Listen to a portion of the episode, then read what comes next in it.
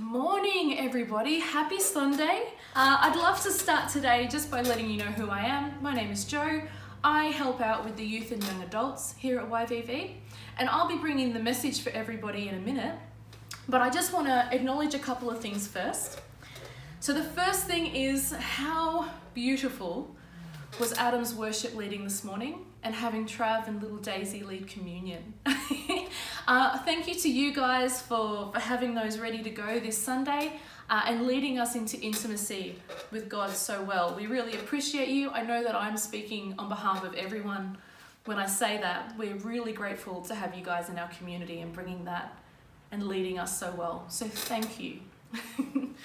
the second thing that I want to mention um, today is a new message in a series that we've been doing. We've been looking at parables for a few weeks. We had a break over school holidays where we went and had some messages from people in London uh, since we can't travel. But before that, we had a couple of messages around parables. And if you haven't listened to those, or you're excited by today, or perhaps you think today's rubbish and you'd like something a little bit better, you can jump onto our YouTube. They're all in a handy dandy little playlist listed under the parables of Jesus and you can watch those there and engage with them at your leisure. There's some really great stuff in there if you haven't already had a look. So if you are left wanting more after today, whether because it's really good or really bad, that's the place where you can go. Um, and I'd encourage you guys, if you haven't already, to subscribe on that channel because it lets you know when we put new content up.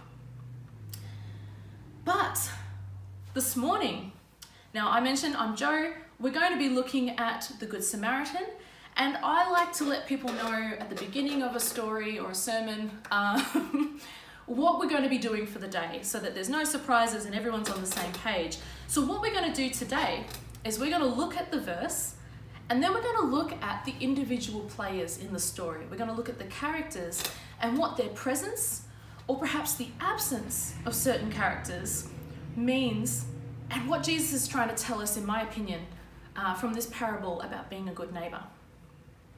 So if you have a Bible and you'd like to read along, the verse that we're going to be looking at today is Luke 10 25. Now, I will be having some writing up on the screen, I'll read it out to you. If you are reading along, you might notice that I change a couple of the words. Uh, I want to acknowledge that I'm doing that from the beginning I'll be just putting in some names so that people are clear who's speaking when, as there's a lot of hims and he's in this verse. So if you've got your Bible and you'd like to join us at Luke 10 25, I'm going to read through that passage and then we're going to pull it apart. So 25 begins And behold, a lawyer stood up to put him to the test, saying, Teacher, what shall I do to inherit eternal life? And Jesus said to the lawyer, what is written in the law? How do you read it? And the lawyer answered, You shall love the Lord your God with all your heart, with all your soul, with all your strength, with all your mind, and your neighbor as yourself. And Jesus said to the lawyer, You have answered correctly. Do this, and you will live. But the lawyer, desiring to justify himself, said to Jesus, and who is my neighbor? Jesus replied with a story. A man was going down from Jerusalem to Jericho, and he fell among robbers who stripped him and beat him and departed, leaving him half dead. Now, by chance, a priest was going down that road and he saw the man. And when he saw him, he passed on by the other side of the road. So likewise, a Levite, when he came to the place where the robbed man was and saw him, passed on the other side. But a Samaritan, as he journeyed, came to where he was, and when he saw him, he had compassion. He went to him and bound up his wounds, pouring on oil and wine. He then set him on his own animal and brought him to an inn and took care of him. And the next day he took out two denarii. He gave them to the innkeeper, saying, Take care of him, and whatever more you spend, I will repay you when I come back. Which of these three do you think proved to be neighbour to the man who fell among the robbers? The lawyer said, The one who showed him mercy. And Jesus said to the lawyer, You go and do likewise. Now, I have been going over this verse for a few weeks, and this passage, like so many passages, is so rich. And I want you to know right away that I'm only going to be focusing on that second question the who is my neighbor. Uh, there's a lot more to this verse, um, but we're going to be concise in what we're focusing on. And like I said at the beginning, we're going to do that by looking at each individual character that's in the story. Now, before we get to the parable, I think we need to talk about the lawyer. So he's not a character in the story, but he is a person that's mentioned in this verse. At the beginning, it tells us that a lawyer stood up to Jesus to put him to the test. And he said, Teacher, what shall I do to inherit eternal life? Now, when I was younger and I hadn't looked into this verse before, I would think that the, the lawyer approached Jesus really respectfully. He called him teacher, like that's a big deal, right? But that's not quite what's happening here. The word lawyer is actually translated in other translations of the Bible. I'm using ESV, but if you look at maybe the message or something else, uh, the translation is actually religious scholar. It's not an attorney as we understand now.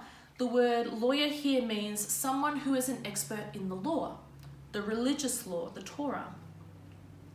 So we have a religious expert that's coming forward. And in this context, it says that he's approaching Jesus to test him. He's approaching Jesus as an opponent.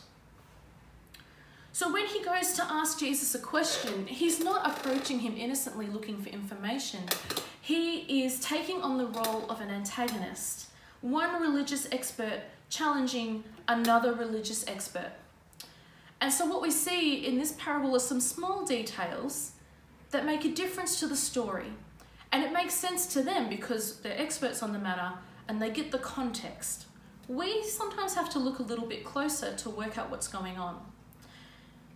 The approach as well is not super gentle. He's actually trying to show how smart he is and outsmart Jesus a little bit with his questions.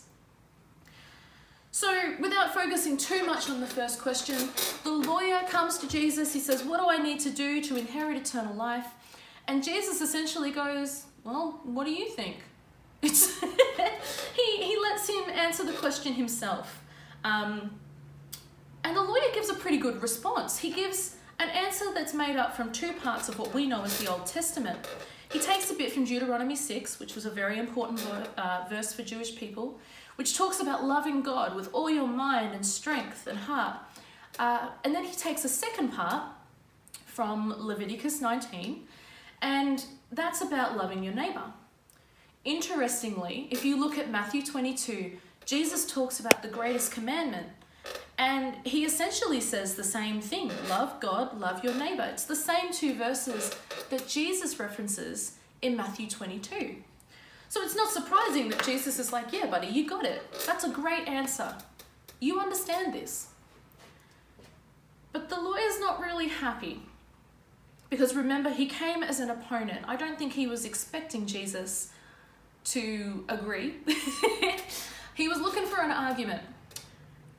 And so the verse then tells us that the lawyer wants to justify himself, and it's out of that place that he asks the second question Who is my neighbor? And so it's that's the context for where Jesus starts to tell the story. The first person we meet in the parable, which is a story that um, hides truth, is the robbed man. And it tells us that a man was going from Jerusalem to Jericho, and he fell among robbers, who stripped him and beat him and departed, leaving him half dead. Now, it may not strike you as particularly interesting at this point in the story, but the first person we meet doesn't have a name, doesn't have an ethnicity that's obvious, he doesn't have a title, the other players in this uh, in this parable, we know exactly who they are. This guy's a little bit ambiguous. What we know for certain is that he was beaten, bloodied, left for dead, and would probably die without help. We could assume that he was a Jewish man. He was coming from Jerusalem, which was like the the Jewish religious uh, hotspot. He the temple was there. Jewish people would visit Jerusalem. So we could guess that he was Jewish, but it doesn't say explicitly. Um, and it's unusual that he'd be travelling this road on his own. So there should be a picture coming up now that shows you the road from Jerusalem to Jericho. And if you're not familiar, and let's be honest, I don't expect you to be, it's an 18 kilometre stretch of road, which to some of our super fit people um, who go for, for endless walks, that might be like 18 Ks, can knock that out in an afternoon. Um, but it wasn't expected back then that you would do this walk in one day. There are a number of inns set up along this road, 18 Ks in the desert heat, in your sandals, carrying everything you need. It's a long trek. It's not one that you would make in one day. Um, and in addition to that, you can probably see on the picture, we've got the road and then either side, you know, it's, it's very steep and it's got lots of little places where naughty little robbers could hide. It wasn't a safe road in between these inns, and people would often travel in groups. So we don't know who this man is, we don't know his position in society, we don't know why he's travelling or why he's alone while he's travelling. We do know that he was in a real predicament though. And some translations, when the priest walks by, it says by chance. Some translations will say luckily, a priest was walking by. And that brings us to the second character in this story. So he passed by this man who was obviously desperate for help. And the priest, he, it wasn't like priests now where you might choose to become a priest, it might be your vocation. Back then, to be a priest was very exclusive. You had to be born into it. It had to be um, something you were raised into from when you were a very little child. You had a lot of expectation on you. You had to fill, fill, fulfill specific duties. That was your whole job. And it was so important that you did that. It was important to the Jewish society and Jewish people that you did your job. The priest saw this man and passed on by. A number of people in the bits and pieces that I read um, have ideas as to why the priest would have continued on. One of the suggestions is that it was too dangerous to stop. What if he stopped and this was actually a trap and he was mugged as well? Not okay. But I'm not sure that that would be reason enough for the priest to, to not help this man, especially if he was Jewish, because, um, and he would have known, a Jewish man um, in that time, or now as well, I guess, but specifically in that time, you could identify a naked Jewish man because they were circumcised. This man was naked on the side of the road. There's a good chance that if he was Jewish, the priest could tell. Um, and the priest had an obligation to Jewish people. So I'm not convinced that that was the reason he didn't stop. The other suggestion that um, people offer as to why the priest didn't stop is this idea that the characters in this story, the priest and the Levite, who we'll get to soon, were putting the law above love. And I don't think that's the case here, and I'll tell you why soon. The ah. priest had this responsibility to fulfill his duties for the Jewish people, but he couldn't do those responsibilities if he was ceremonially unclean. And one of the ways he could become unclean would be touching a corpse. Now, this guy looked half dead. He could be dead. And so some people speculate that the reason the priest didn't stop to help was because he chose not to make himself unclean and fulfill his duties to the other um, Jewish people. I'm not convinced that that's the case either because uh, it implies, the story implies that he was walking from Jerusalem to Jericho and if that's the case, the priest has already fulfilled his duties. He would have done what he had to do, and being religiously clean would not have been as big of a deal. He didn't have to stay clean going away from Jerusalem. So the reason why he didn't help is unclear to me. There are probably people much smarter in our community who could give a, a better answer, but I don't think that this is what Jesus wanted us to focus on. Now, the next person that comes by and doesn't help the robbed man is a Levite, and he is similar to the priest in that he has a particular role in society, he has priestly duties, and he's born into that role. No, these are all descendants from Levi. They have that job. And just like the priest, he doesn't stop. He passes by on the other side of the road, avoids this guy, doesn't help him at all. Now, this particular person, the Levite, didn't have to avoid corpses to remain clean. It Wasn't part of his um, list of things to do. So I don't think that he was putting the law above compassion here either. Why didn't he stop? We're not 100% sure. At least I'm not 100% sure. And then we go on to the third person. So we've got priests, important dude, high up in society, has a lot of jobs. Levite, important dude, people knew him in society, had important religious role. Samaritan. The Samaritans were essentially the enemies of the Jewish people. Now, this person would have been a shock to the religious scholar for a couple of reasons. First of all, Samaritans are the lowest of the low. We don't like Samaritans. They, um, they were under the impression that they were still the Jewish chosen people. They had their own Torah, they built their own temple after the one in Jerusalem was destroyed. They thought they were on a good thing.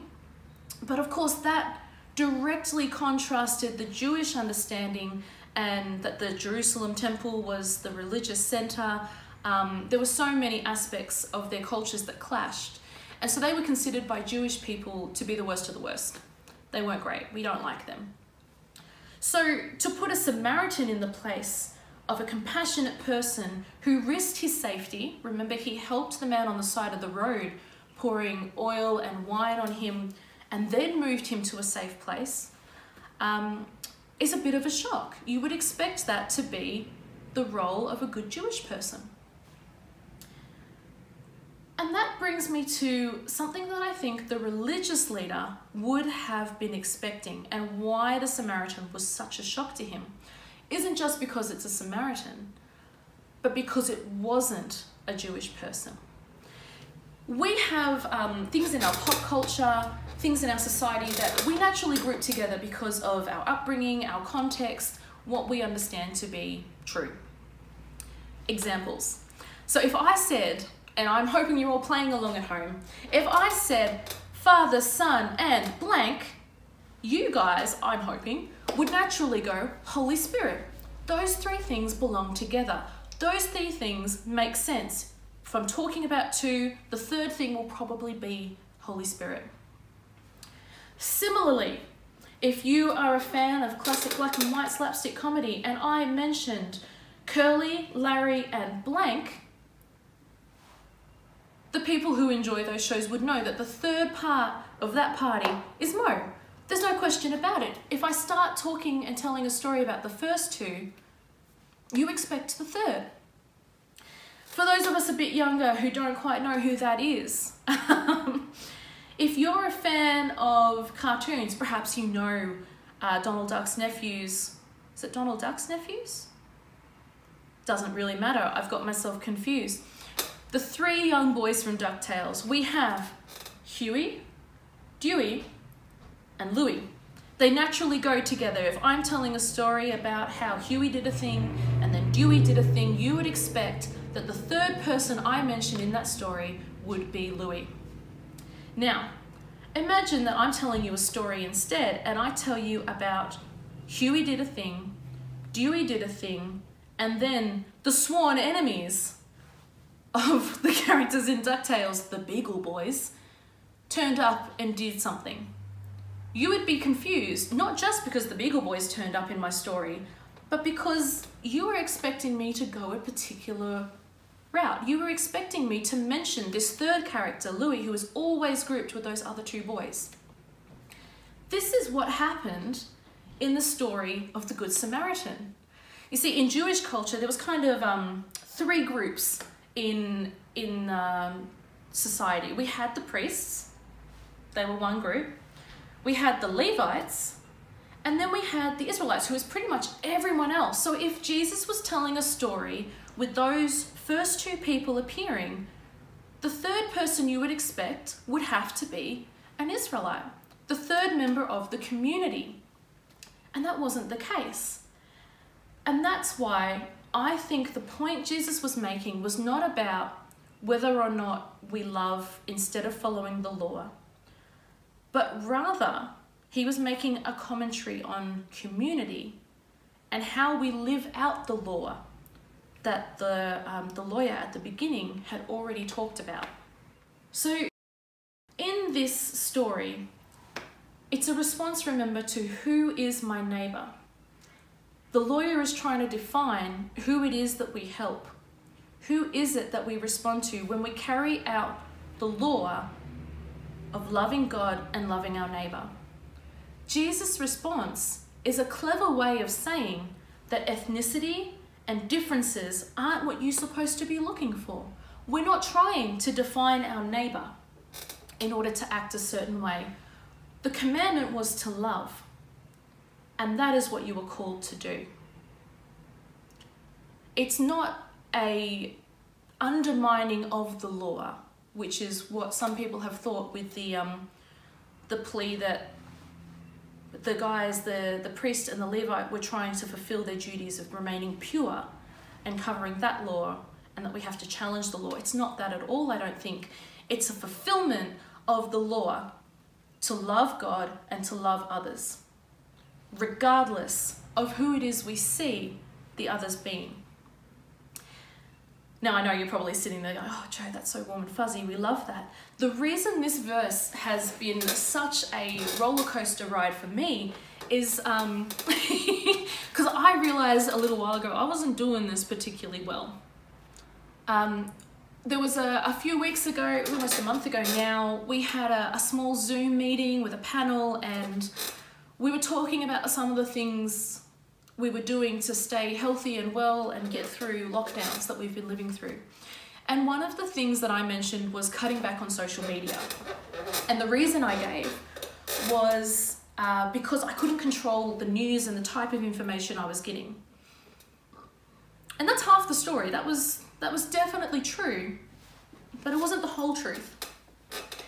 The other reason was there were a lot of people on there who, who I love, and who I've considered good friends, and they were very vocal about opinions that I disagreed with. And I think we can relate to that as a community. Um, we can definitely identify that at the moment especially, there are so many voices and strong on different sides of different debates. And I found that I was looking at those opinions and I was not showing compassion to people because they disagreed with me.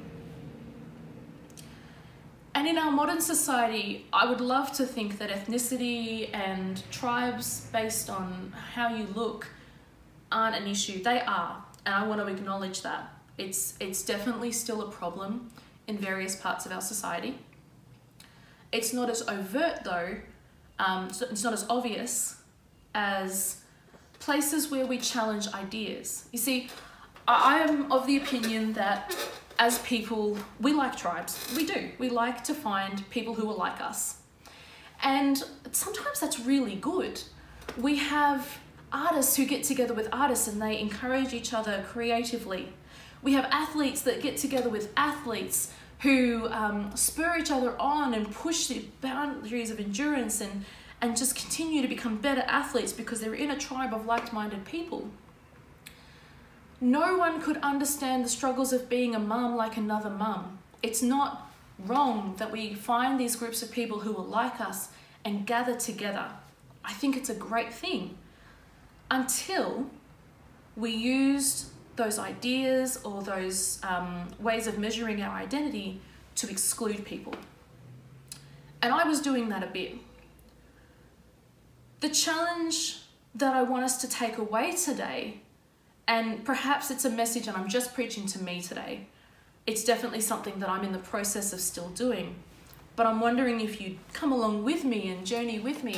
The challenge is to say, God, where have I allowed those tribes to become barriers rather than supports? Where have I decided that this person, because of their ideas or um, who they are or where they come from, to become a, a point where I have defined them as a stranger rather than a neighbor? How have I failed to fulfill your commandment to love? And I realize that that's a big thing to try and unpack, and I don't want to try and do that um, on camera today. This would be a conversation I'd encourage you to have in private or with a really trusted friend or mentor. Um, and invite Holy Spirit to show you because we're not always aware of our own biases. As you do that, I want you to know that I'm not asking for a second that you need to adopt the beliefs of other people. I don't think Jesus was suggesting that because there was a Samaritan in the story that the Jewish Jewish people should have adopted the beliefs of the Samaritan. It wasn't, um, you know, you have to become your neighbor in order to to be neighbor to them. It was more that we shouldn't be looking for loopholes or excusing ourselves from compassion or response because of someone's different ideas or different ethnicity, different tribe.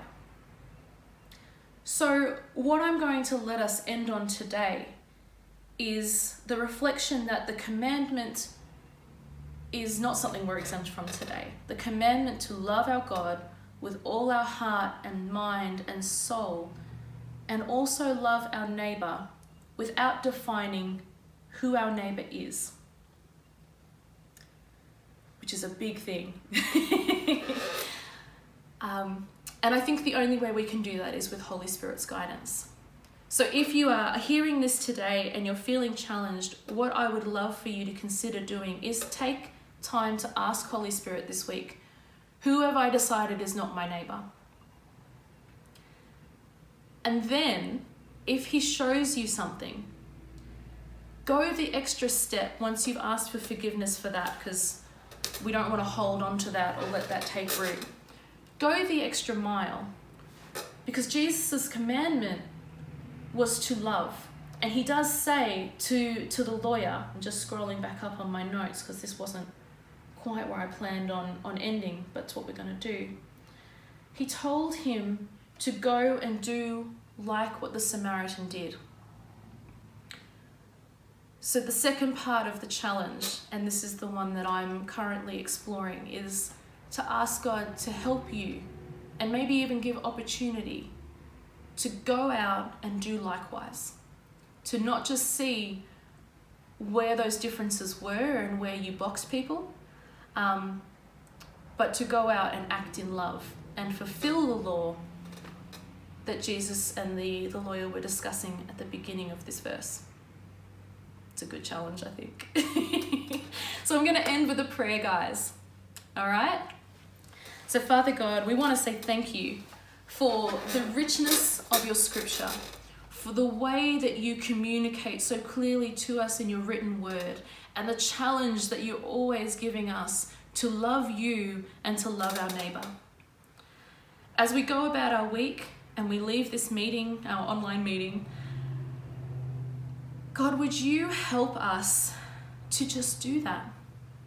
To go and do likewise, to stop in whatever way we may have deciding who our neighbor is, and to go forth and love the way you called us to. And for those of us where this isn't a struggle, would you give opportunity for them to encourage us who may have had little moments where we're unable, for whatever reason, to, to love the way you called us? Let us be brother and sister to each other in all senses, whether it's moving to a new place of loving our neighbor, or encouraging other people to do just that. And we thank you that this is not something that is ever met with shame.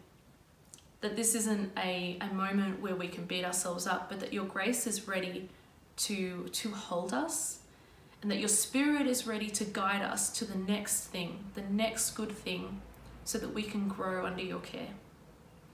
And we pray this in Jesus' precious name. Amen. Thank you so much for joining us today, guys. I hope that it um, was encouraging or challenging, one of those two. Uh, and if not, like I said at the beginning, go and check out one of the other parable messages. um, but I, I, sincerely hope that there was something in there for you today. And uh, I look forward to seeing you guys virtually um, next Sunday or hopefully soon in person. Have a great day. Bless yous.